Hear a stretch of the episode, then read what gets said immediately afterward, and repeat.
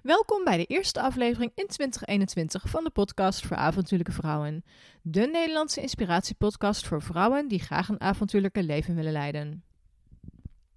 Mijn naam is Antoinette Spaan en ik ben wandelaar, schrijver en wereldreiziger. In deze aflevering ga ik in gesprek met Kim Werenstein. Kim emigreerde samen met haar man en twee kinderen begin 2020 naar Spanje. Sindsdien runt ze daar een aantal prachtige vakantiehuizen.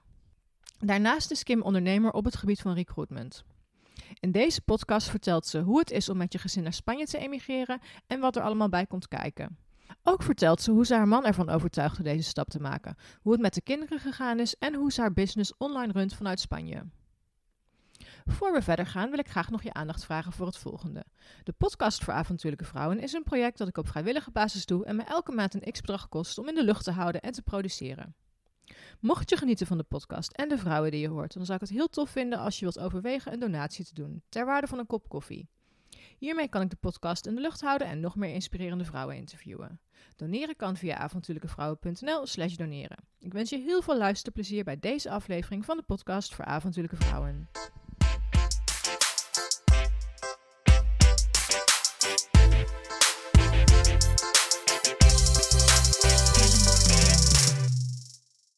Kim, van harte welkom in de podcast voor avontuurlijke vrouwen. De eerste keer dat ik hem via Zoom opneem, want ik probeer altijd al mijn podcasts live te doen. En ik heb ook alle podcasts tot nu toe live gedaan, zelfs met Miriam in Nieuw Zealand. Maar ja, Kim, jij zit in Spanje, dus dat werd een beetje lastig. Um, ja. Mijn allereerste vraag aan jou is, wie ben je en wat doe je? Ja, wie ben ik en wat doe ik? Uh, nou, ik ben Kim. Ik uh, woon dus inderdaad, wat je al zegt, uh, in, in Zuid-Spanje. En nou ja, nu natuurlijk met de reisbeperking is het nog wat lastiger om, om live te meeten. En um, ja, ik woon hier dus met mijn gezin. dus mijn man, twee kindjes, Tigo Jari van even kijken, bijna vier en uh, vijf. En um, ja, wat ik doe is, ik heb zelf een online onderneming genaamd Werkimago. Dus ik help daarbij uh, recruiters uh, ja, zichtbaarder en bekender te worden voor hun doelgroep op de arbeidsmarkt. En daarnaast hebben wij nog drie vakantiehuizen die wij ook verhuren. En dat is even heel erg in het kort wie ik ben en wat ik doe. Ja, nou ja, wij hebben mij een tijdje geleden hebben we volgens mij via de mail contact gehad of via Instagram of zo. En toen zei van, goh, lijkt het jou eens leuk om iemand uh, in, de, in de podcast te hebben die, um, die geëmigreerd is. Toen dacht ik, ja, natuurlijk. Want ik denk dat wij allemaal, of heel veel van ons wel, wel, wel dromen, maar, maar niet doen. Dus ik wilde jou eigenlijk een beetje vragen, ook daarover, van, goh, hoe is dat gegaan? Hoe is dat ontstaan? Hoe doe je dat? Um, dus misschien kunnen we heel even uh, teruggaan naar toen jij nog een kleine Kim was. Of, was, ja. was dit ooit jouw droom al? Nou, toen ik echt nog een kleine Kim was, was mijn droom om moeder te worden. Maar uh, ja, verder kwam het niet echt. En uh, ja, ik heb, ik heb altijd eigenlijk wel dingen anders gedaan dan, dan de meeste. Ik, ik was nooit het het populaire meisje die met de groep meeging. Nee, ik droeg weer net andere kleding. En dat maakt je niet altijd uh, even populair. Maar zo zie je maar weer dat je wel heel erg je eigen ja, mening en, uh, en ding doet. En eigenlijk begonnen met reizen Um, nou ja, eigenlijk altijd wel met mijn ouders. Gingen we twee keer per jaar op vakantie uh, naar Frankrijk. Hadden we een huisje. En dan in de winter gingen we skiën. En um, toen ik klaar was met de HAVO, dacht ik van ja, wat ga ik nu doen? Ik wilde niet studeren. En eigenlijk zei mijn moeder, joh, lijkt je niet leuk? Je kan zo lekker skiën om skiles te geven. En toen dacht ik, ja, why not? Ik wist wel dat ik er een jaartje tussenuit wilde. Dus toen begonnen als skilerares in, uh, in Oostenrijk. En daar vijf maanden gewoond natuurlijk helemaal één groot feest daar. Dus uh, hartstikke leuk uh, geweest. En uh, dus daar wilde ik sowieso nog een keer een winterseizoen heen. Dus de winter daarna dat ook gedaan. En toen nog een zomer in Zwitserland gewerkt. En toen had ik wel zoiets van, nou, het wordt wel tijd om een studie op te gaan pakken. Dus um, hotelmanagement gedaan. En een van de stages die ik daar kon kiezen, kon ook in het buitenland. Dus toen heb ik ook nog een keer vijf maanden in op Bonaire gewoond.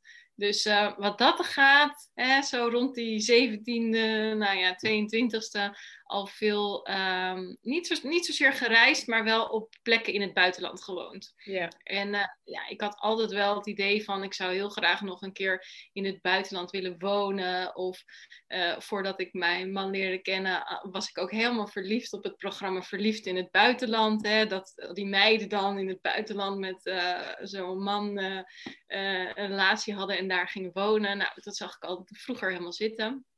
Nou, uiteindelijk heb ik gewoon een hele Hollandse man, uh, wat ook heel erg leuk is. En uh, nou ja, toen we op een gegeven moment, um, denk een jaar of twee geleden, toen was de huizenmarkt natuurlijk super um, um, ja, in upcoming, zeg maar. We hadden ons huis gekocht in de crisis en toen wilden we graag groter gaan wonen. Maar ja, overal waren de huizen duurder geworden. Dus toen zeiden we eigenlijk tegen elkaar van ja, gaan we nou nog harder werken om de hypotheek te betalen? Of gaan we nu toch echt een keer die stap maken? En um, ja, daar was een beetje het uh, in de auto ontstaan van laten we die stap nu toch gaan maken. En, en hoe maak je zo'n stap dan uiteindelijk? Kun je wat Ja. over het proces? Want jullie wisten al dat het Spanje moest worden, dus uit Spanje. Nee, nee, nee. Ehm, eigenlijk zaten we heel erg, uh, uh, inderdaad, dat was echt in de auto terug van een huis dat we dachten, nee, we gaan toch maar weer niet doen. Hè. Zoveelste huis dat we dachten, we doen het toch niet. En um, toen hadden we die, dus, uh, die, die st stap bedacht en toen zijn we eigenlijk een beetje landen gaan afstrepen. Voor mij was het wel echt dat het een warm land moest zijn. Ja. Uh, dat was voor, voor mij en trouwens ook voor mijn man echt key. Um, dus we hebben het ook al gehad over Amerika. We vinden allebei gewoon een heel gaaf land. Maar ja, dat is niet heel makkelijk met visa en dergelijke. Um, nou ja, we hebben het ook gehad over de Antillen, want hoe makkelijk is het daar ook qua taal? Ja. Maar ja, toen zei ik ook van ja, weet je, ik blijf wel mijn bedrijf houden, uh, mijn Nederlandse bedrijf in de recruitment. Dus ja, ik kan niet zomaar even weer terug naar Nederland. Dus uiteindelijk zeiden we van nou, weet je, laten we dan naar de Mediterranee gaan kijken. En um, ja, toen kwamen we toch al snel op Spanje uit. Eén, omdat ik zelf al wel best wel een woord Spaans sprak.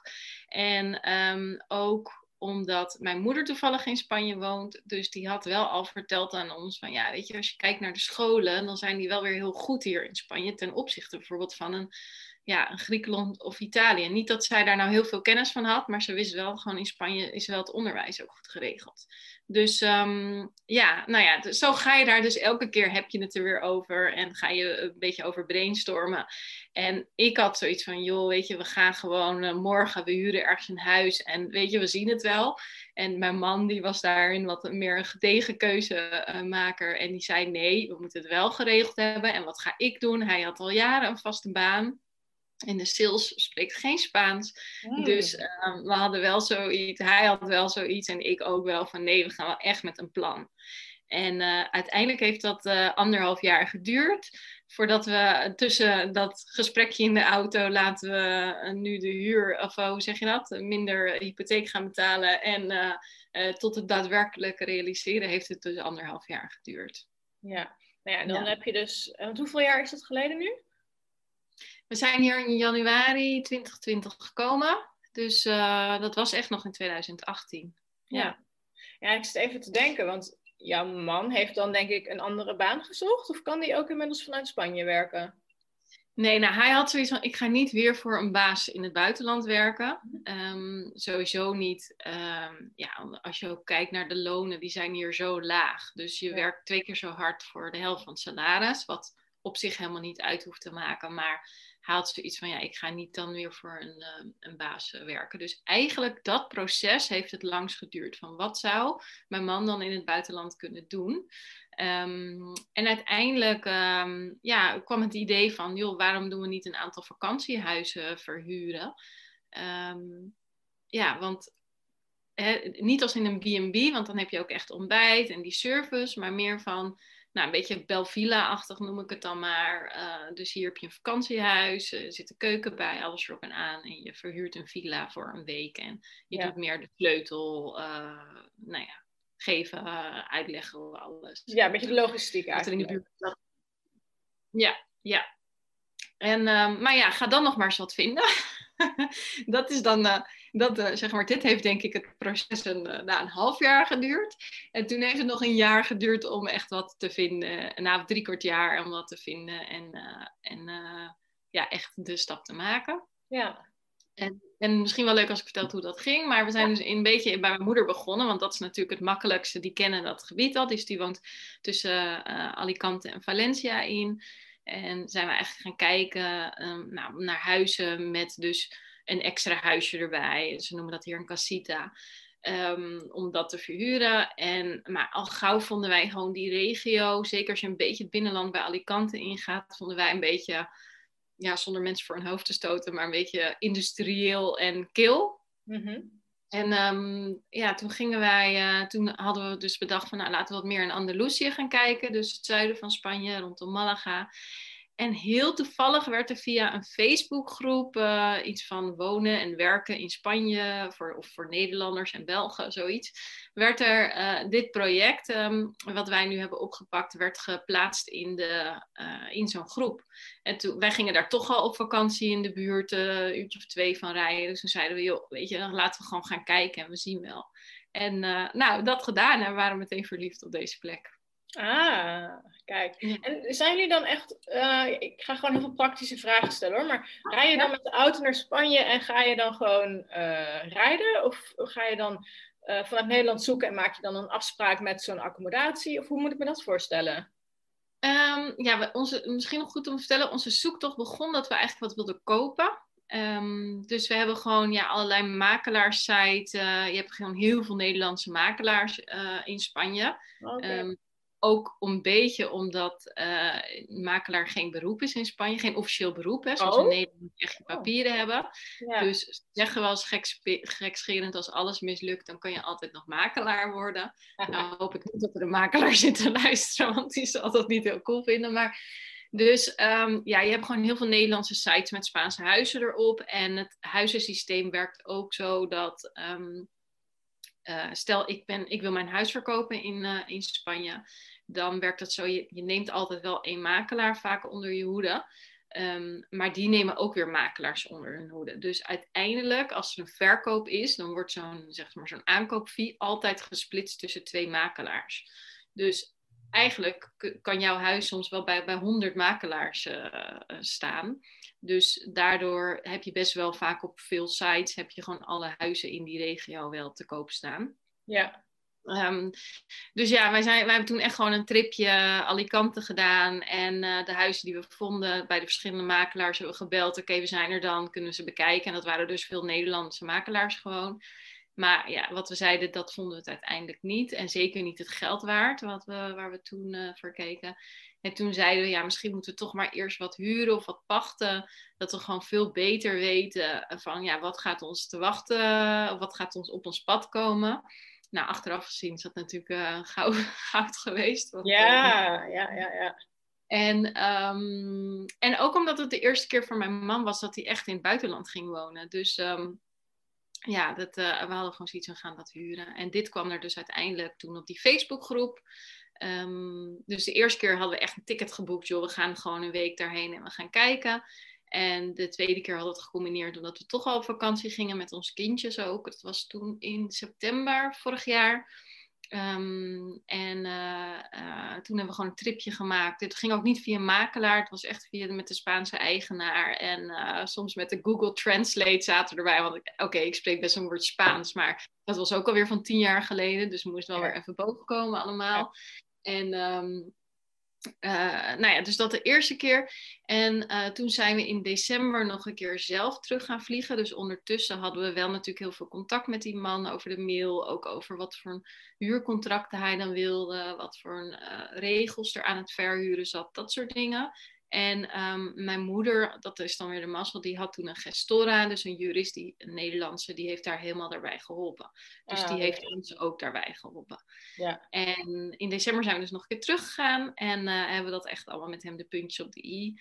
Um, en de puntjes op de i, dan denk je van, nou oké, okay, ik hoefde nog even drie klappen te geven en klaar. Maar het was echt, we waren daar drie dagen en het was echt een rollercoaster. Want het ene moment dachten we nee, we gaan het echt niet doen. En het andere moment dachten we ja, ja, we moeten het doen. En toen dachten we weer nee, nee, dat gaat hem nooit worden. Want er zitten gewoon heel veel regeltjes aan en ook veel uh, onbeschreven regels waar, waar je geen rekening mee houdt. En het, even een simpel voorbeeld. Wij hadden laatst um, um, de brand, ehm, hoe noem je dat, brandblussers worden vervangen. Nou, nog steeds hebben we dus dingen dat we denken, ja, horen die kosten nou bij ons? Of hoort dat bij hem? Ja. En dat, dat zijn gewoon heel veel ongeschreven regeltjes die je alleen maar in de praktijk kan, uh, kan ervaren. Ja, nou goed, jullie hebben dus nu een eigen woning en een aantal vakantiehuizen, als ik me niet vergis.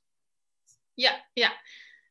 Het idee was eigenlijk om dus een landgoed te hebben waar we zelf zouden wonen met verhuur. Um, alleen de eigenaar, dus de Spaanse eigenaar, die verhuurde nu aan heel veel Spanjaarden, verhuurde hij voordat wij kwamen. En hij zei, ja, waar ik om in onderscheid, is dat gewoon Spanjaarden hebben grote gezinnen. Die willen met z'n allen een weekend weg. En als jij hier dus nog een van die huizen gaat, gaat huren zelf, of daarin gaat wonen, dan, dan kom je in een categorie van huurhuizen waar er heel veel van zijn. Um, hè, we kunnen nu plekken hebben aan 25 man. En er, zit gewoon, er zijn niet heel veel huizen in Spanje die 25 man plek hebben voor een familie.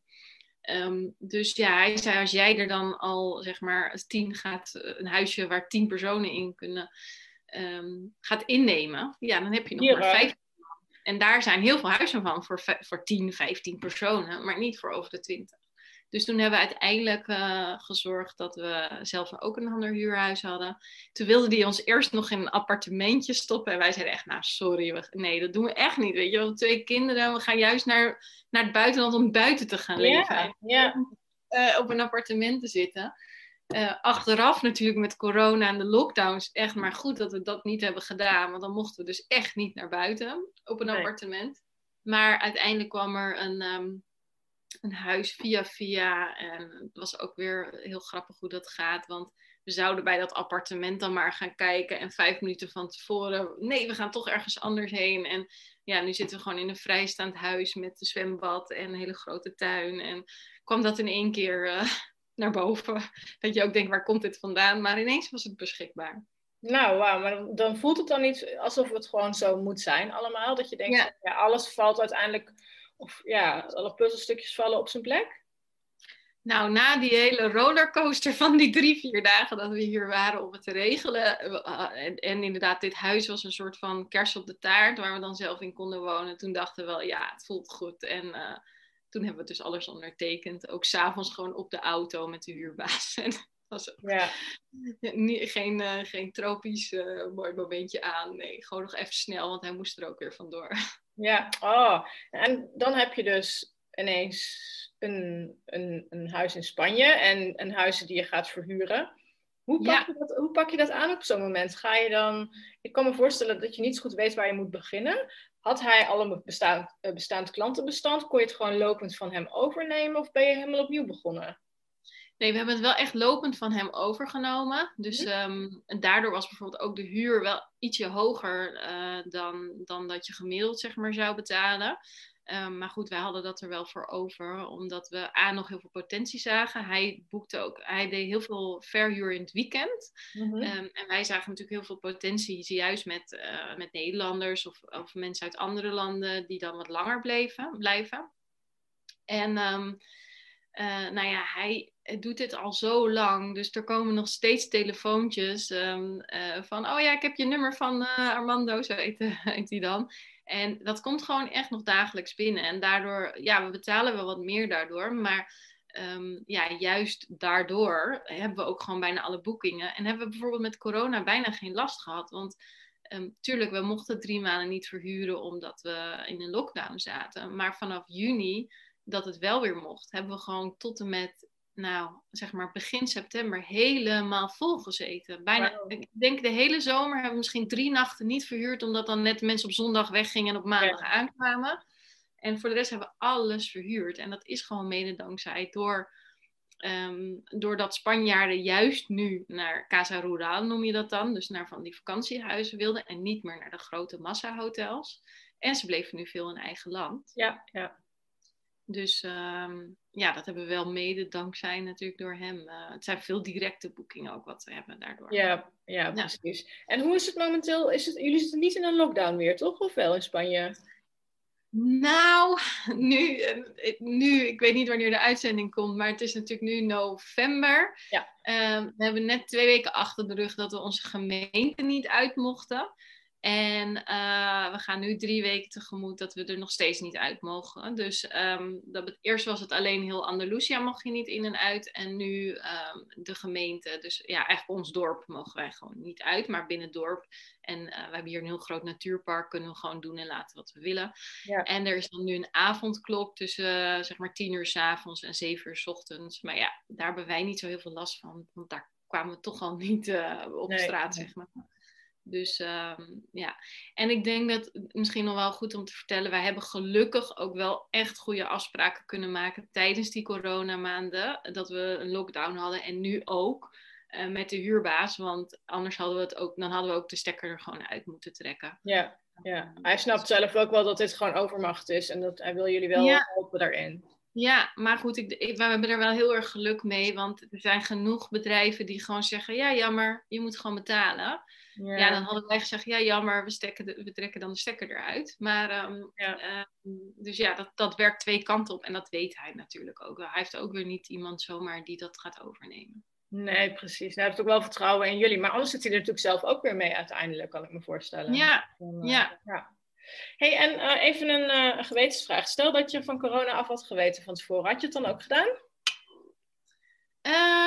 ik nou, ik persoonlijk wel, moet ik heel eerlijk zeggen. Wij hebben ook wel echt aan het begin van corona gedacht van... Ja, moeten we nu terug, weet je wel? Wat willen we? Trekken we alles eruit? Gaan we terug naar Nederland? En we zaten echt heel gauw, nee, absoluut niet. Want ik bedoel, toen het bij jullie nog regende, zaten wij al heel lekker in het zonnetje buiten op de yeah. zeg maar, in de tuin. Um, en, um, maar goed, als als we natuurlijk op het punt stonden, uh, dan hadden we dat waarschijnlijk niet gedaan. Omdat je dan toch niet weet wat, wat de toekomst gaat brengen. En zeker in het oog met de gedachte wat ik eerder vertelde, dat mijn man wel een stukje zekerheid wilde dat hij ook wat te doen had, om het zo even te zeggen. Ja. ja. Dus, um, maar nu, nu terugkijkend, uh, hadden we, uh, we willen absoluut niet terug, zeg niet maar. Terug naar Nederland, nee. Nee. Nou, ik heb nog, um, sowieso ben ik benieuwd hoe, hoe, een, hoe een werkdag er bij jou uitziet. Uh, want je hebt jouw eigen bedrijf, maar help jij ook mee met de, met de verhuur of is dat echt jouw man zijn taak? Nou, kijk, uh, hij spreekt geen Spaans. Oh.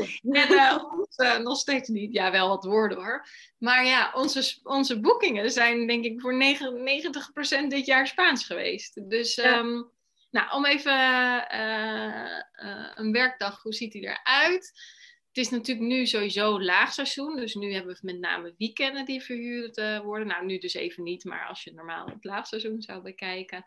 En um, dus, um, nou, ik begin gewoon even bij het begin. Een dag bij ons ziet eruit, we worden echt tussen acht en half negen ongeveer wakker. Um, nou, zeg maar rond acht uur. Uh, nou, gaan we net zoals in Nederland ontbijten, dat soort dingen doen. Kinderen aankleden en hun naar school brengen. En onze kinderen gaan van 9 tot 2 naar school. En dan om 9 uur uh, ga ik dus vaak gewoon weer naar huis aan mijn bedrijf werken. Uh, dus mijn Nederlandse bedrijf, om het zo even te zeggen. En mijn man gaat dan vaak naar het landgoed. Dus ja, daar is daar altijd weer wat te doen met klusjes of snoeien. Nu weet ik veel hoeveel bomen heeft hij gesnoeid. En um, dan om half twaalf is het hier, dat noem je dan desayuno-tijd. Dus officieel gaan dan pas de meeste, uh, meeste Spanjaarden echt ontbijten. Daarvoor is het mm-hmm. gewoon een koffietje met iets kleins. Um, dus dan komt mijn man vaak ook wel even thuis of niet hoor, ligt er net aan hoe en wat. En dan om twee uur of half twee gaan we de kinderen ophalen. Die komen om kwart voor twee uit school. En um, dan komen we thuis en dan ga ik koken om twee uur. En uh, bij ons is het dus om twee uur uh, is, uh, is warm eten. Um, althans, niet om twee uur. Om twee uur gaan we koken. Dus ergens tussen half drie en half vier gaan we dan warm eten. En um, ja, soms log ik nog in voor mijn bedrijf, soms ook niet. Um, net hoe de dag en je gemoed is, uh, gemoedstoestand om het zo even te zeggen. En dan rond een uurtje of half zeven is het dan hier. Eigenlijk doen wij dit, maar dat is dan. De Spanjaarden doen het vaak pas om negen uur. Dan gaan ze avondeten. Maar ja. wij doen vaak om half zeven dan nog een beetje tapasje. Zeven uur. Want ja, de kinderen gaan ergens tussen acht en negen naar bed. Um, maar goed, de Spaanse kinderen gaan rond tien uur naar bed. Hè? Oh. Dus die gaan dan rond negen uur gaan ze, gaan, ze, uh, gaan ze een soort avondeten, maar dan een soort lichte maaltijd doen ze dat. En uh, ja, tussendoor gaan we altijd of gewoon lekker bij het huis. Ik heb een hele grote tuin. En zeker in de middag als het zonnetje schijnt, is nu in november gewoon nog super warm. En als het of gewoon lekker spelen, of ik werk nog wat, of we gaan wandelen, of ehm, boodschapje doen. Nou ja, dat kan ook pas na zes uur, hè, want je hebt hier dan siesta. Ja, ja. En, uh, nou ja, dus in het, en, en tussendoor doe ik dan de vakantiehuizen. Dus um, ik weet gewoon op vrijdag en, maand en zondag, zeg maar, is vaak dan aankomst vertrek in het laagseizoen. Dus ik plan vaak op vrijdag niet te veel dingen. en ja, dan is het net wanneer de gasten komen. Dus ik zeg altijd, stuur me een half uurtje van tevoren een appje. Ja. En dan ga ik naar boven, naar de vakantiehuis. En dan ga ik zorgen dat de gordijnen open zijn. Uh, weet je, de huizen zijn altijd al schoon. Daar hebben we trouwens een schoonmaakster voor. Mhm. Uh, is een soort luxe. Maar ja, wij zijn echt allebei geen types die daar gelukkig van worden.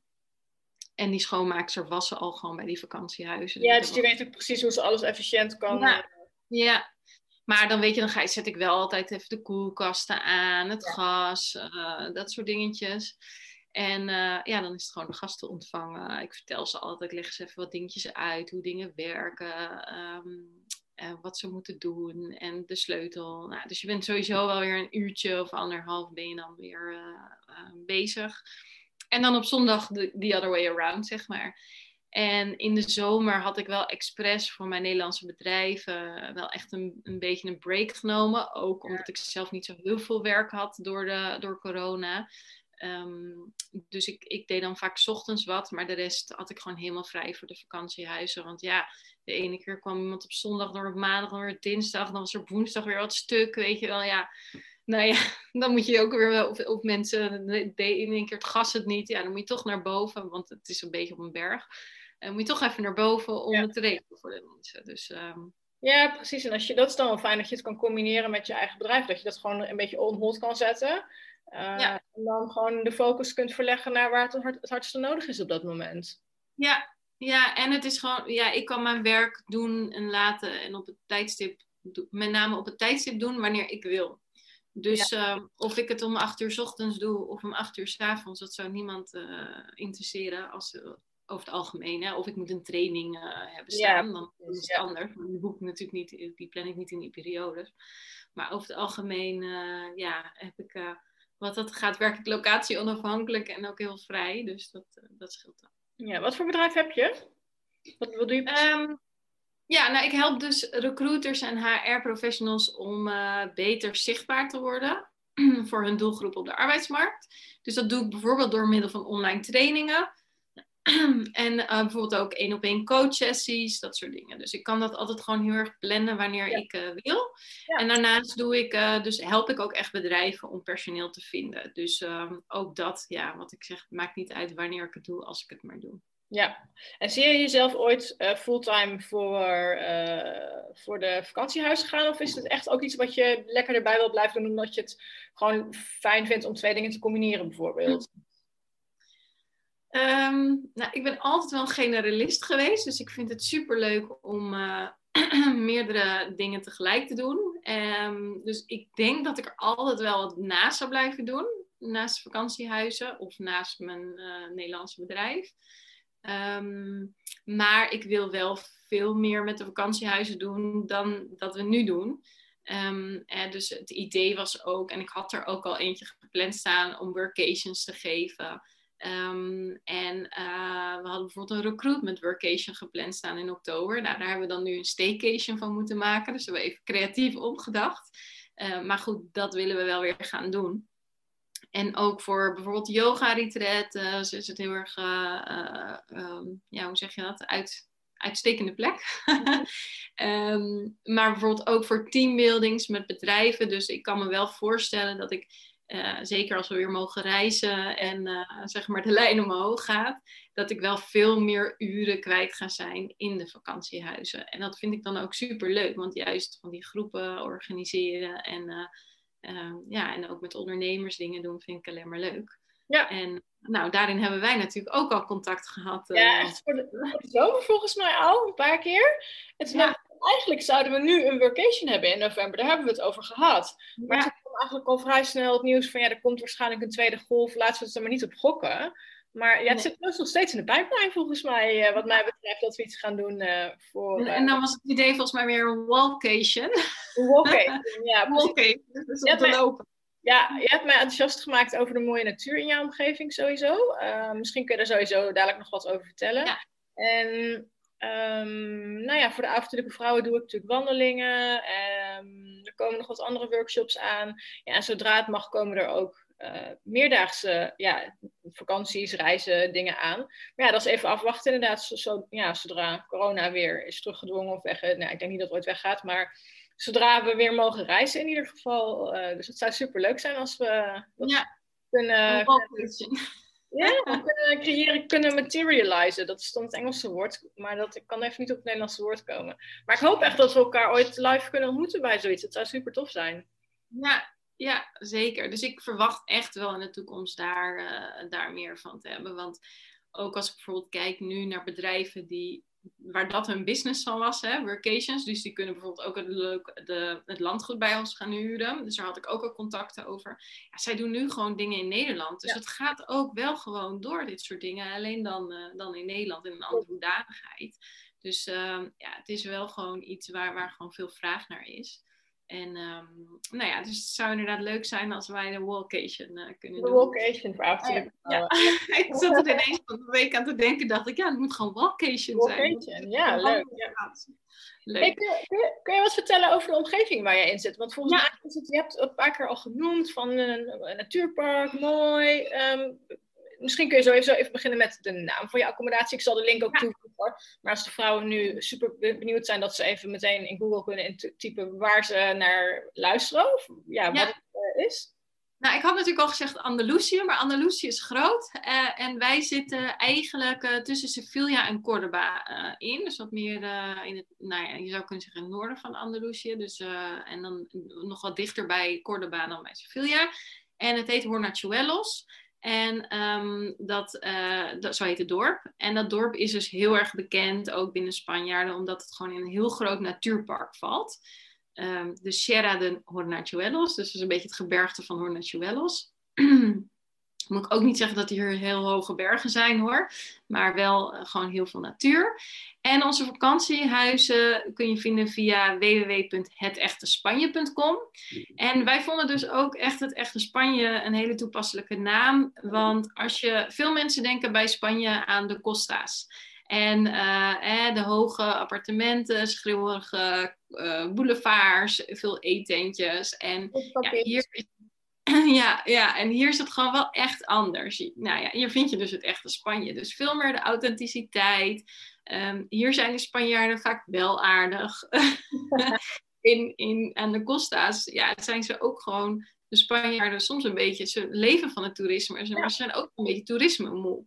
Um, of ze doen met name dingen als er geld te verdienen valt, waar, wat, wat overigens prima is. Hè? Maar ja, hier is gewoon wel echt eh, een beetje de warmte. En um, weet je, wordt hier ook heel goed opgenomen in, in de Spaanse cultuur. Terwijl bijvoorbeeld aan de Costa's is dat veel minder. Um, ook waar mijn moeder woont, daar is gewoon een hele Nederlandse community. En die zit alleen maar tussen de Nederlanders en de Engelsen, bij wijze van spreken. Mm. Uh, ja, en hier zou je toch echt een beetje in het Spaans moeten redden. Want heel veel mensen spreken niet eens Engels. En dat is natuurlijk wel, ja, als je het dan over Spanje hebt, ga je dan wel de echte Spaanse. Um, uh, beleving aan. Ook met de siesta bijvoorbeeld. Tussen twee en zes is hier geen winkel open. Dus um, nou ja, dat vonden wij daarin uh, echt een toepasselijke naam. En ook als je kijkt naar de vakantiehuizen, dan wat je veel in de Costa ziet, is eigenlijk echt een nieuwbouw, strakke, wit en alles. Nee, ja, wij hebben wel echt daarin de Spaanse sfeer, zeg maar. Dus um, en hoe, doe je, uh, hoe, hoe, doe je, het met je kinderen? Ik, ik hoorde net, uh, dat, dat wilde ik straks ook al vragen, bedacht ik me. Want jouw kinderen gaan natuurlijk naar een Spaanse school. Um, maar je zegt tegelijkertijd, kan niemand hier Spaans? Uh, of Engels? Vind je het dan... ik kan me voorstellen dat het voor Nederlandse kinderen belangrijk is dat ze ook Engels leren. Hoe, hoe doe je dat bijvoorbeeld? Nou, de grap is, ze kunnen hier allemaal niet Engels, maar ze leren allemaal Engels op school. Maar ik weet niet sinds hoe lang. Dus uh, je hebt hier, uh, en daar hebben wij ook wel een beetje mazzel mee, want in dit dorp heb je dus een soort van ja, IBS, dus een soort van internationale school zitten zij ook bij aangesloten. Dus het is wel echt een Spaanse school, maar zij moeten wel voldoen aan bepaalde standaarden, waaronder dus ook echt Engels. Dus ze leren geloof ik uiteindelijk vier talen, dus Spaans, Engels, volgens mij ook nog een stuk Frans krijgen ze uiteindelijk. En ehm, ik denk dan iets van Andalusiaans of zo, een andere versie van, van Spaans. Um, dus, um, maar dat was eigenlijk ook de reden waarom we zeiden, ja, als we nu naar het buitenland willen gaan, moeten we gewoon nu gaan. Want nu zijn onze kinderen nog jong. Uh, hè? In januari was het drie en vier en een half. Um, waren ze. Dus we hadden zoiets van, ze moet, we moeten dan gewoon nu gaan. En zelfs bij de oudste, die heeft eigenlijk maar vijf maanden op de basisschool gezeten. Maar de oudste had zelfs al een beetje moeite daarin. Dat hij echt zijn vriendjes uit Nederland miste. En dan denk je, jeetje, dan heb je maar vijf maanden op de basisschool gezeten. En nu mis je die kinderen al. Ja. Als je zeven of acht bent. Dus, um, maar eigenlijk doen zij het heel goed. Uh, de jongste Jari, die is dan nu bijna vier, maar die gaat dus al sinds september naar school. Want hier gaan ze vanaf drie naar de basisschool. Mm -hmm. um, ja. En uh, ja, het is echt bizar hoe, hoe snel zij Spaans oppikken. Uh, en, en mijn oudste, die wil alleen maar met Spaanse vriendjes spelen. En die heeft het helemaal naar zijn zin. En ook gewoon het buiten het, het vele buiten zijn. Want dat was wel echt een van de redenen waarom we ook naar het buitenland wilden. Omdat in Nederland leef je gewoon voor 80% binnen. Ja. Nou, jij misschien niet omdat je zoveel wandelt. Maar ik denk uh, de meeste mensen uh, dus wel. Ja. En um, ja. Ja. ja. En kun, zij kunnen nu dus eigenlijk gewoon vloeiend Spaans? Of gaat het... Nou, vloeiend wil ik nog niet zeggen, want ze hebben natuurlijk ook een tijd geen school gehad hè, door, door corona. Dus als je effectief kijkt, dan zitten we nu in november, dus hebben ze vier maanden nu Spaanse school. Een maandje dus toen we aankwamen en nu drie maanden. Maar um, ja, weet je, zeker de oudste, die weet zich gewoon helemaal te redden. Die snapt, die, die begrijpt eigenlijk alles ook wat zijn juf zegt en dergelijke. Die kan alleen nog niet zo goed altijd terugpraten. Maar dat gaat ook gewoon steeds beter. Ja, en de jongste van bijna vier, die gaat er gewoon in mee. Dus ja, die zit nu ook gewoon in de klas en uh, die weet zich ook wel te redden. Maar die kan ook natuurlijk niet zo heel goed terugspreken. Nee, nee. Maar ja, ik, volg, ik heb me wel eens laten vertellen dat kinderen, dat gaat altijd wel. Of tenminste, die, die kunnen zich ja, dat komt wel. Ja, precies, ja. Um, nee, jij, jij kon al Spaans natuurlijk. Je gaf aan jouw man spreekt geen Spaans of uh, beperkt. Heb je wel eens um, met de huizen een situatie gehad waarbij je dacht van hier komen we gewoon niet uit qua Spaans? En wat doe je in zo'n situatie?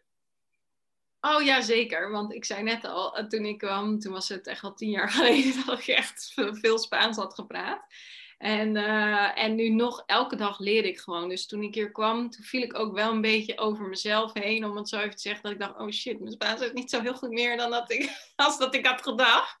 Dus, um, maar ja, we hebben dus gelukkig die, uh, die juristen die we gewoon nog regelmatig echt wel uh, dingen sturen. Ook met regeltjes. Ook nu, uh, Spanje geeft ook een soort van af en toe eenmalige uitkering nu met corona. Dus um, ja, en nu mogen we ook weer wat aanvragen en dat red je gewoon zelf niet. Dus dan kunnen we altijd bij haar aankloppen. En zij woont echt al heel lang in Spanje. Maar het is een Nederlandse, dus dat is wel super handig. Ja. Ja. Um, en er woont hier toevallig een Engelse dame, um, die dus met een Spanjaard uh, getrouwd is. Dus heel af en toe willen we ook nog wel eens uh, tegen haar zeggen: joh, wil je even dit nalezen? Weet je, je moet toch dingen soms in, in Spaans ook communiceren aan alle gasten. Maar eigenlijk met de gasten komen er altijd wel uit. Dus het zit er meer vaak in, in juridische regeltjes of dingen met een verzekering. Ja. Of uh, nu weer dat je dan zo'n uitkeringachtig iets kan aanvragen. Dat is echt stelt niks voor bij Nederland, maar hier is het heel wat. Dus ja, alles is natuurlijk mooi meegenomen. Ja, ja. Maar dan hebben we wel onze, onze vangnetten. Maar niet lokaal hoor, want daar zeg ik dat is echt uh, veel Spaans. Ja, ja dat, ik ben wel eens um, in, uh, in jouw regio ben ik nooit geweest, maar wel in, um, oh heet dat ook alweer, Extremadura ben ik geweest.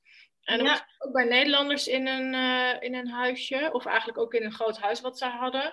En inderdaad, daar sprak ook gewoon helemaal niemand Engels. En ik kan handen en voeten Spaans. Ik heb ook wel eens een cursus gedaan. Maar inderdaad, als ik daar in een lokaal dorpje aankwam bij de supermarkt of gewoon ging wandelen, dan inderdaad, dan kwam ik gewoon niemand. Uh, ja, dan moest ik gewoon uh, me maar redden. En ik denk dat het ook de beste manier is om het, om het te leren. Ja, zeker. Nou, en toevallig dat je dit nu zegt, want laatst kreeg ik ook de vraag van, ja, kunnen we niet een keer zo, zo van bij de nonnen bij Kim doen? Hè? Want je hebt natuurlijk, als je een taal wil leren, soms bij de nonnen... Ja, ja, ja of zo. Ik weet niet eens waar dat zit. En die zei, toen zei ik ook nog, ja, maar er is helemaal geen leraar die Engels spreekt. Toen zei ze, nee, maar dat moet je juist hebben. Je moet juist... Oh, het. Dus toen dacht ik, ja, dat is ook nog wel leuk om in de toekomst inderdaad een soort van uh, taalreis, of ja, ik weet niet of je het zo moet noemen, maar ja, je hebt hier natuurlijk gewoon genoeg leraren, eh, ook die Spaanse lesgeven. Dus, um, of nou ja, tenminste die alleen Spaans spreken, maar lesgeven. Dus toen dacht ik, oh ja, dat is ook nog een idee om dat een keer in de toekomst te doen. Wel, ja. wel way to go om het gewoon maar meteen kaars doen. Ja. Gewoon geen Engels meer, alles Spaans. Dan pak je het misschien nog wel het beste op. Hey, even voor de vrouwen die zoiets hebben, ik wil ook naar Spanje emigreren. Um, jullie zijn officieel geëmigreerd. Ja. ja. Hoe, um, aantal vragen die je misschien in één kan beantwoorden. Um, kan dat vanuit Nederland? Sta je nog ingeschreven? Um, hoe werkt dat in Spanje? En wat heeft dat bijvoorbeeld voor, um, voor uh, gevolg voor pensioen, ziektekostenverzekering, dat soort dingen? Ja. Af van alles. nou ja, nou, waar te beginnen? Hoe het allemaal werkt als je dat zou willen. Ja, waar te beginnen? Nou, toen wij de stap gingen maken, hadden we eerst nog een huis te verkopen. Nou, de huizenmarkt was toen echt sky high, dus we hadden dat ook echt binnen een week gedaan. en uh, dus dat scheelt wel. En ja, er is niet echt iets uh, om je te begeleiden. Um, en wij hadden ook een beetje een lastige situatie dat ik mijn bedrijf wel in Nederland eigenlijk wilde aanhouden. Inmiddels is dat ook over, want dat kan ook niet echt. Um, en mijn man die ging wel al meteen. Dus um, als je het officieel doet, schrijf je natuurlijk uit bij de gemeente. Wij hadden het dus nog een beetje zo grijs gelaten. En, um, maar uiteindelijk, je gaat dus je uitschrijven bij de gemeente. En dan gaat eigenlijk alles automatisch lopen. Um, wat soms niet heel handig is, dat alles automatisch loopt. Maar je wordt dan uitgeschreven bij uh, jouw gemeente. En dan kom je in het uh, basisregistratiesysteem van Nederland. En dat hangt weer aan heel veel dingen. Dus als jij een eigen huis hebt, dan, of bijvoorbeeld een huurhuis, um, en je hebt dat dan straks niet meer, ja, dan ga je wel een rekening krijgen voor de maanden dat je bijvoorbeeld nog, uh, weet ik veel, waterheffingen, ja. uh, afvalstoffen, dat soort dingen uh, moet doen. Dus, maar ook bijvoorbeeld je zorgverzekering krijgt een seintje. Dus ik bijvoorbeeld, mijn man die had zich meteen bij de zorgverzekering uitgeschreven op het moment dat hij een zorgverzekering in Spanje had afgesloten. Maar hij had zich nog niet officieel uitgeschreven. Dus uiteindelijk kreeg hij dus een brief op ons oude adres van ja, je moet je zorgverzekering afsluiten. Maar ja, die brief hadden wij nooit gezien. Dus toen kregen we uiteindelijk een brief uit naam van de koning. Nou, oh, weet je, dat soort, dat soort, dingen gaat dan allemaal automatisch. Ja, en dat is dus uh, dan af en toe niet heel handig. Uiteindelijk los je dat dan wel weer op, maar dat kost je wel weer tijd, mailen, bellen, bla bla bla. Um, en bij mij was het juist andersom, want uiteindelijk hadden we ons uitgeschreven. Alleen ik was nog niet geregistreerd, dus ik had hier nog geen zorgverzekering. En toen kreeg ik ineens een brief. Ja, hartstikke leuk, maar uh, je, je wordt nu uitgeschreven van je zorgverzekering. Was ik eens onverzekerd. Um, dus ik snel gebeld, maar dat wil ik helemaal niet, want bla bla bla bla bla. Um, nou ja, dus uiteindelijk komt dat dan ook wel weer goed met heel veel mailen en, uh, en dingen. Maar ja, wat je doet, uh, om weer terug te gaan naar het begin. Wij gingen dus uit Nederland weg en we hebben hier ons gewoon, uh, we hadden van tevoren al een NIE-nummer, een soort BSN-nummer aangevraagd. En toen we hier kwamen, hebben we ons dus ingeschreven in de gemeente. Dus dat doe je niet anders dan in Nederland. Um, wij zijn dus eigenlijk allebei nu eigen ondernemers. Dus daardoor hebben we, uh, ja, ze noemen dat hier een social seguridad. Um, en dat is eigenlijk dat je eigen ondernemer bent, betaal je een bedrag per maand en daar zit meteen je zorgverzekering bij in. Um, heb je dat niet, dan kan je bijvoorbeeld ook nog een particuliere zorgverzekering, uh, zoals we dat in Nederland ook kennen. Dus dan betaal je gewoon een bedrag per maand. Maar geen idee wat dat is, om eerlijk te zeggen. wij betalen nu dus 60 euro allebei per persoon per maand. Maar dat loopt dus uiteindelijk weer op naar 250 euro. Dus je krijgt een soort van starterskorting. Um, en dat is eigenlijk dus je KVK en zorgverzekering in één. Dus okay, dat werkt anders.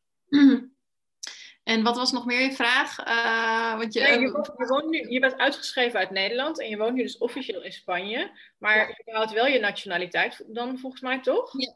ja. Daar is verder niks. Dan moet je denk ik één keer in de zoveel jaar naar een gemeentehuis of zo voor je paspoort, naar de ambassade. Ja, nou dat kan via de Nederlandse ambassade in Madrid geloof ik. Ja. Um, of gewoon als je in Nederland bent hoor. Volgens mij kan het dan ook. Maar um, ik moet heel eerlijk zeggen dat ik dat niet weet. Alleen, uh, ja, weet je, het is, het is hier heel gek. Maar wij hebben bijvoorbeeld. Um, het is hier niet heel gek, maar je hebt hier ook weer met allerlei dingen te maken. Dus En, en daar moet je gewoon doorheen. Dus ehm, hè, we gingen een bankrekening openen. Nou, moesten zes keer terugkomen bijvoorbeeld. Mm. Eh, ook omdat je dus de taal dan nog niet helemaal machtig bent. Dan denk je, ook oh, ik heb begrepen. En dan blijkt het toch weer niet begrepen. Moet je weer terug. En we hebben bijvoorbeeld nu, wij zijn geregistreerd partners. Ja, en dat kennen ze niet in Spanje. Oh. Dus we zijn hier geen, niet getrouwd. We hebben wel twee kinderen. Nu kunnen we de kinderen niet onder de zorgverzekering hangen. Nou, dat soort dingen, weet je, ja, daar loop je allemaal tegenaan in de praktijk. En daar kan niemand je ooit vertellen, want weet je, dat komt dan in één keer boven. Al regel je nog zo goed, dat soort dingen moet je gewoon doorheen. En nu moeten wij 9 december moeten we dan weer naar, ehm naar Cordoba om eh, weer langs de politie te gaan om onze papieren te wijzigen, dat de kinderen er wel onder kunnen. Maar ja, zo'n afspraak kan je ook pas twee maanden in de toekomst eh, maken. Dus ja, weet je, dat soort dingen. En dat zal je in elk land, dat heb je in Nederland ook niet anders. Ik heb ook wel eens vanuit mijn werk mensen begeleid die vanuit Nederland, of vanuit buitenland in Nederland kwamen werken. Het is ook een gedoe om in Nederland een BSN, een bankrekening en dat soort dingen aan te vragen. Het is overal gedoe uiteindelijk. Ja. Ja. En hoe zit het met jouw, bijvoorbeeld je pensioen of AOW, dat soort dingen? Ja, Ehm, ben je daar überhaupt mee bezig op dit moment als ondernemer? Want als ondernemer ben je daar natuurlijk sowieso al op een andere manier mee bezig dan Ja. dat je in loondienst bent. Ehm, nou, ik had dan in Nederland, had ik sinds een paar jaar, eh dus had ik ook niet vanaf dag één gedaan dat ik ondernemer was, had ik banksparen. Dus eh, ik kan dat gewoon in principe volgens mij door blijven doen. Moet ik, heb ik dus nu ook bij mijn accountant uitstaan van, eh hoe gaan we dat doen? Ehm, en wat je kan doen is in het kader van je AOW, we hebben dat dus nog niet eh, geregeld hoor, Ehm, maar daar mis je nu de opbouw van. Dus wat je kan doen is dat je een soort van bedrag elk kwartaal of elk jaar of elk maand, ik weet ook niet, eh, dat je gewoon wel die, die AOW blijft opbouwen. Ehm, je kan ook ervoor kiezen om dat niet te doen. En als je dan bijvoorbeeld naar Nederland teruggaat, om dan alsnog dat potje te vullen. Ja. En als je zegt ik doe het gewoon niet, dan krijg je gewoon minder AOW. Daar komt het eigenlijk. Ja. Ehm, maar goed, ja, we hebben, weet je, we zijn hier nu 10, 11 maanden, dus we hebben gewoon nu dat nog niet gedaan. Maar in de toekomst gaan we daar natuurlijk wel naar kijken. ja. En is het je droom om hier voor altijd te blijven? Ehm, nou, ja en nee. vind ik, altijd, ik vind altijd heel erg voor altijd eh, lastig. Ehm, maar weet je, op dit moment hebben we het gewoon nu super naar ons zin. En eh, willen we ook echt niet weg. Maar we hebben wel zoiets van. Eh, we hoeven hier ook niet op deze plek altijd te blijven. Dus Nee. ik zie ons nog niet zo heel snel terugkeren naar Nederland. Misschien wel als je kinderen in een andere fase komen, dat ze naar een basisschool gaan en je toch wat meer zekerheid of dingen wil. Dat zou kunnen. Maar ik zie ons niet, zozeer, niet zo heel snel teruggaan naar Nederland. Dan zie ik ons eerder bijvoorbeeld dichter bij een grote stad gaan wonen. Of meer toch naar de kust. Of Ja. Ehm, ja, als we dat al zouden willen. Maar dan zie ik ons eerder binnen een Spanje of een, ons verplaatsen dan per se terug naar Nederland. Nou, je noemde net ook al eventjes dat, het, eh, dat je wel wordt opgenomen in de, in de community, eh, laat maar zeggen. Ehm, want dat hoor je van andere landen ook wel eens, dat in sommige landen het best wel lastig is om als buitenlander ertussen te komen, als het ware. Ehm, mis je aan je vriendinnen in Nederland wel eens en maak je hier makkelijk nieuwe vrienden? Eh, kun je daar wat over vertellen? Ja, nou, ik heb wel, eh, wel een grappig voorbeeld. Want wij zijn een maandje geleden zijn we naar mijn moeder geweest. En die zit dus in die hele Nederlandse verhaal. En daar zitten toevallig ook wat kennis van mij. Die hebben daar een huis. Ehm, dus wij gingen, die waren ook op dat moment daar. Dus wij gingen er naartoe. En eigenlijk toen beseften we pas hoe makkelijk het toch eigenlijk weer is als je Nederlands kan praten. Want als je hier kijkt, het komt natuurlijk ook omdat we kinderen hebben. Dus je hebt dan veel contact met moeders ook en dergelijke. En daarin worden we echt wel opgenomen. Maar ik moet altijd nadenken als ik wat wil zeggen. Ja. Ehm, ik moet altijd nadenken, wat wil ik gaan zeggen? En ook met die Engelse dame hier, daar ga ik ook regelmatig een drankje mee doen en eten. Maar ook daar moet ik altijd weer na gaan denken, wat zeg ik nou tegen haar? En het is een hartstikke aardige dame. En we kunnen het goed vinden, maar eh, eh, ja, met sommige mensen heb je gewoon een natural click, hoef je nooit na te denken wat je wil zeggen. Ehm, dus, dus dat heb ik dan wat minder. Maar dan moet ik ook nog eens nadenken over de taal. Ja, ja. Dus dat maakt het gewoon wat lastiger. En toen we ook weer bij mijn moeder geweest waren, dachten we ook echt wel weer, jeetje, wat is het toch makkelijk als je inderdaad wat Nederlanders om je heen hebt. Of inderdaad vrienden die gewoon Nederlands eh, spreken. Dus vandaar dat ik ook zei, ik denk dat we dan eerder nog een keer naar de kust gaan of meer bij een grote stad. Dan, dan naar Nederland. Maar als je bijvoorbeeld kijkt in Valencia, waar mijn moeder dan woont, in die, in die provincie, daar zijn de Spanjaarden weer helemaal niet zo. Dus in eerste instantie was mijn moeder ook een beetje bang van, ja, dan zit je daar in een Spaans dorp en je wordt niet opgenomen. Maar in Andalusië is dat dus weer heel anders. Daar is iedereen veel meer welkom en uh, ja, weet je, dus dat is dan weer ook, ligt eraan weer waar je zit in, uh, in Spanje. Ja, oké. En je hebt, voel je je wel eens eenzaam daar? Dat je denkt van, oh man, of misschien niet zozeer eenzaam, maar heb je wel eens het idee van, waarom zijn we hier ook alweer aan begonnen? Nou, nou eigenlijk niet. Uh, en ik zeg eigenlijk omdat je toch best wel um, weet je, ik zie ook wel eens bijvoorbeeld dat hele gave opdrachten. Als ik dan kijk naar mijn Nederlands bedrijf, dan zie ik wel eens dat gave opdrachten naar anderen gaan. En dan denk ik wel eens, oh wat jammer, weet je wel. En dan weet ik gewoon dat het is gebeurd omdat ik op afstand zit. Ja. Um, niet omdat ze het niet willen, maar hoe makkelijk is het als iemand even bij je op kantoor langskomt Tuurlijk, en je dan ja. je. Dus daarin denk ik wel soms is, weet je, daarin heb, heb ik, of hebben wij het wel moeilijker. En ook natuurlijk met Ehm, met, dat, met dat soort gekke dingen, met die bank. En dat je dan nu moet winnen, weet je, naar Córdoba, naar de stad. En dan moet je weer drie maanden wachten. En ook wel eens inderdaad, dan zitten al die Spaanse moeders. En dan denk ik, oh nou ja, ik hoef hier niet eens naar te luisteren. Want weet je, dat, dus dan heb je wel eens meer, niet echt van die momenten, want je staat er niet zo bij stil. Maar als je dan achteraf terugkijkt, dan denk je wel eens van, oh ja, weet je wel. Maar ik, ik heb me nog geen dag hier eenzaam gevoeld. En, uh, en ja, wat ik al zei, weet je, corona was natuurlijk echt zo'n moment dat je denkt, wat wil je, gaan we terug of niet? Maar nee, voor geen goud, weet je. Het is nu november, we, kunnen bij wijze van spreken nog buiten ontbijten. We zitten elke middag, elke dag nog buiten. En uh, de zon schijnt in de middag. En weet je, de kinderen zijn zo vrij. En nee, ook het, het hele haastige 9 tot 5 ritme, daar willen we gewoon uit. En daar zijn we helemaal uit. Dus wat dat er gaat, heb ik dan echt geen behoefte om naar Nederland terug te gaan. Nee. Nou, gelukkig maar. Ja. Um, even wat ja, vragen die ik eigenlijk aan alle uh, dames stel in de podcast. Um, jouw grootste avontuur tot nu toe? Jeetje, nou ik, ik, ik denk toch wel dit. Want dit was natuurlijk wel een hele stap om met je gezin te gaan. Eerder was ik altijd gewoon alleen en ik pakte mijn spullen en ik ging ergens heen. En uh, ik vertelde net over het skiën, toen was ik natuurlijk 17, was het natuurlijk ook echt een heel avontuur. Um, maar goed, uh, dan ben je gewoon weer met je eentje en kan je elk moment teruggaan. Ja. En dit was natuurlijk wel wat anders, ook met alles wat er dus bij een emigratie komt kijken. En um, ja, dus ik zou dan toch zeggen de verhuizing, de emigratie naar Spanje. Ja, ja. dat wel hoor. En um, heb jij nog een avontuur wat je ooit nog hoopt te beleven?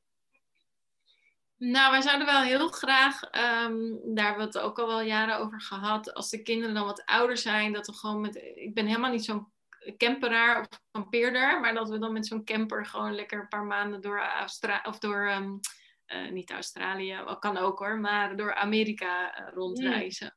Mm. Ja. Dus dat lijkt ons nog wel uh, gaaf om te doen. Daar hebben we het al over gehad voordat we naar Spanje überhaupt dat hele idee kwam. Dus ik denk ook niet dat we dat nog heel snel gaan doen. Maar uh, ik moet ook zeggen, weet je, in Nederland heb je heel erg snel de behoefte, oh, ik wil graag een week op vakantie, ik moet er echt even tussenuit. En dat hebben we gewoon hier veel minder, want je bent hier gewoon al continu in de warmte en uh, is het lekker weer. Dus als je weggaat, is het gewoon meer even een uitstapje naar het natuurpark of een uitstapje um, naar mijn moeder een weekend. Of uh, uh, mijn vader, die zit nu ook een paar maanden in Spanje. Dan ga je veel meer een uitstapje maken. In plaats van, nou, ik wil een week in de zon, zee en strand liggen. Nee, dat kan ik elke dag bij wijze van spreken. Ja. hey, en dit schiet me, schiet me net te binnen. Um, heb je tips voor vrouwen waarvan de vriend zegt, nee, ik wil niet? Ik weet niet, was jouw vriend meteen enthousiast of heb je hem een beetje moeten overhalen? En ja, hoe heb je dat überhaupt aangepakt? Of heb je überhaupt tips voor vrouwen om dat, om dat aan te pakken? Mocht hun partner zeggen, ja, je gaat niet aan beginnen of ik twijfel?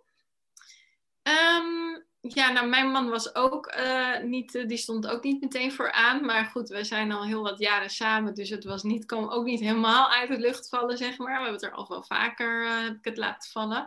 Dus um, ja, ik denk, het heeft gewoon tijd nodig. En ook, we, we zijn uiteindelijk anderhalf jaar hiermee bezig geweest. En dat was dus ook met name omdat we gewoon moesten kijken, ja, wat wil mijn man dan? En soms schopte ik hem ook wel zijn benen, tegen zijn benen van, joh, ga nou eens even wat ondernemen. Ga eens kijken wat je dan zou willen. En hij had gewoon zoiets van, nee, het komt allemaal wel op zijn beloop. En eh, op een gegeven moment komt het wel samen.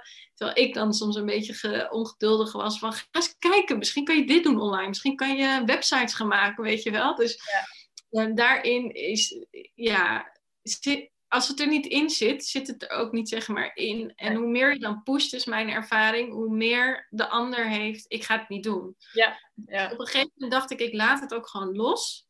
Uh, ik zeg er even helemaal niks meer over. En uiteindelijk kwam hij er dan wel weer op terug. Dus ik denk dat dat wel een tip is van laat het gewoon af en toe vallen. En uh, ga niet heel erg lopen pushen, omdat dat vaak gewoon averechts werkt. En uh, nog een andere tip is denk ik, ga gewoon kijken wat kan wel. Mhm. Dus um, voor, voor je man dan, hè? Of, of um, vaak heb je het met name over waarom wil je niet en waarom niet, niet, niet. Maar uh, kijk het eens vanaf de andere kant. Dus wat kan wel? Uh, en ik denk dat dat nog wel een, een goede is om, om dan samen in gesprek te gaan. Maar wanneer zou je wel willen? Of wanneer zou het wel leuk voor je zijn? In plaats ja. van continu negatief te benaderen. Nou, wat goed. Ik eh, denk zeker dat de vrouwen hier wat aan hebben. Ik kijk even mijn horloge. We hebben de uur bijna volgemaakt. Dat gaat alweer super hard. Um, dus ik wilde eigenlijk vragen: ben ik nog iets vergeten? Of is er nog iets wat je graag zou willen vertellen? Jeetje, nou, ik ben heel van het kletsen geweest, dus ik, uh, ik, uh, ik denk het niet. Ja, weet je, ik, ik kan ook gewoon zeggen tegen dames, als ze vragen hebben en ze willen tips, dan, uh, weet je, stuur me even een berichtje of op Insta of op, nou ja, je zal er vast wel ergens wat zetten, mijn contactgevers, maar stuur gewoon een berichtje en dan beantwoord ik ook graag, ik help graag anderen verder, zeg maar. dus voel je vrij om een bericht te sturen. Ja, en mijn laatste vraag is altijd: waar kunnen mensen jou vinden? Op internet. Ik ben al je kanalen. Kunnen ze je meteen Nou, inderdaad. Nou ja, um, we hebben twee Instagram-accounts. Ik, uh, ik heb dan het werkimago. Dat is wel veel over recruiters dus en HR-professionals. En we hebben het Instagram-account Het Echte Spanje. Dus daar zit dan meer mijn man achter uh, in combinatie met mij we hebben de website www.hetechtenspanje.com. En uh, ja, op uh, LinkedIn, uh, als je mij voor een achternaam Kim Werenstein doet, kan je mij ook vinden. Okay, en, en natuurlijk jouw groep ben ik ook lid van. ja, van... ja, en hoe schrijf je jouw achternaam even voor de, voor de zekerheid? Nou, moet ik het even spellen? dus het is Werenstein, dus overal 1 E en op het einde E-I-J-N. Yes, oké, okay, top.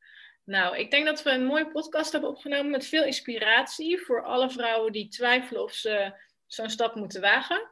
Ik wil je heel hartelijk bedanken voor je tijd en uh, nou ja, voor je positieve energie in deze podcast. Heel veel succes met jullie uh, gezin in Spanje in de toekomst. En ik hoop dat we elkaar een keer in het echt gaan ontmoeten in het uh, prachtige yes. Spanje.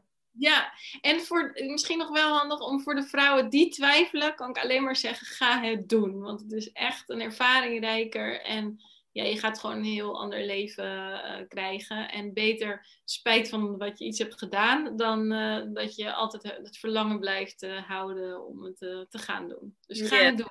Helemaal mee eens, dankjewel. Hopelijk heb je genoten van deze podcast en hebben we je geïnspireerd om een avontuurlijke leven te leiden. Luister je deze podcast op iTunes, dan zou ik het tof vinden als je me 5 sterren waardering wilt geven. Wil je meer weten over mij of een van de gasten? Kijk dan op avontuurlijkevrouwen.nl en volg het Avontuurlijke Vrouwen-account op Instagram. Ook is er de besloten Facebook-community voor avontuurlijke vrouwen waar je kunt connecten met like-minded dames. Lid worden kan eenvoudig door een lidmaatschapsverzoek in te dienen. Voor nu bedankt voor het luisteren en graag weer tot de volgende keer.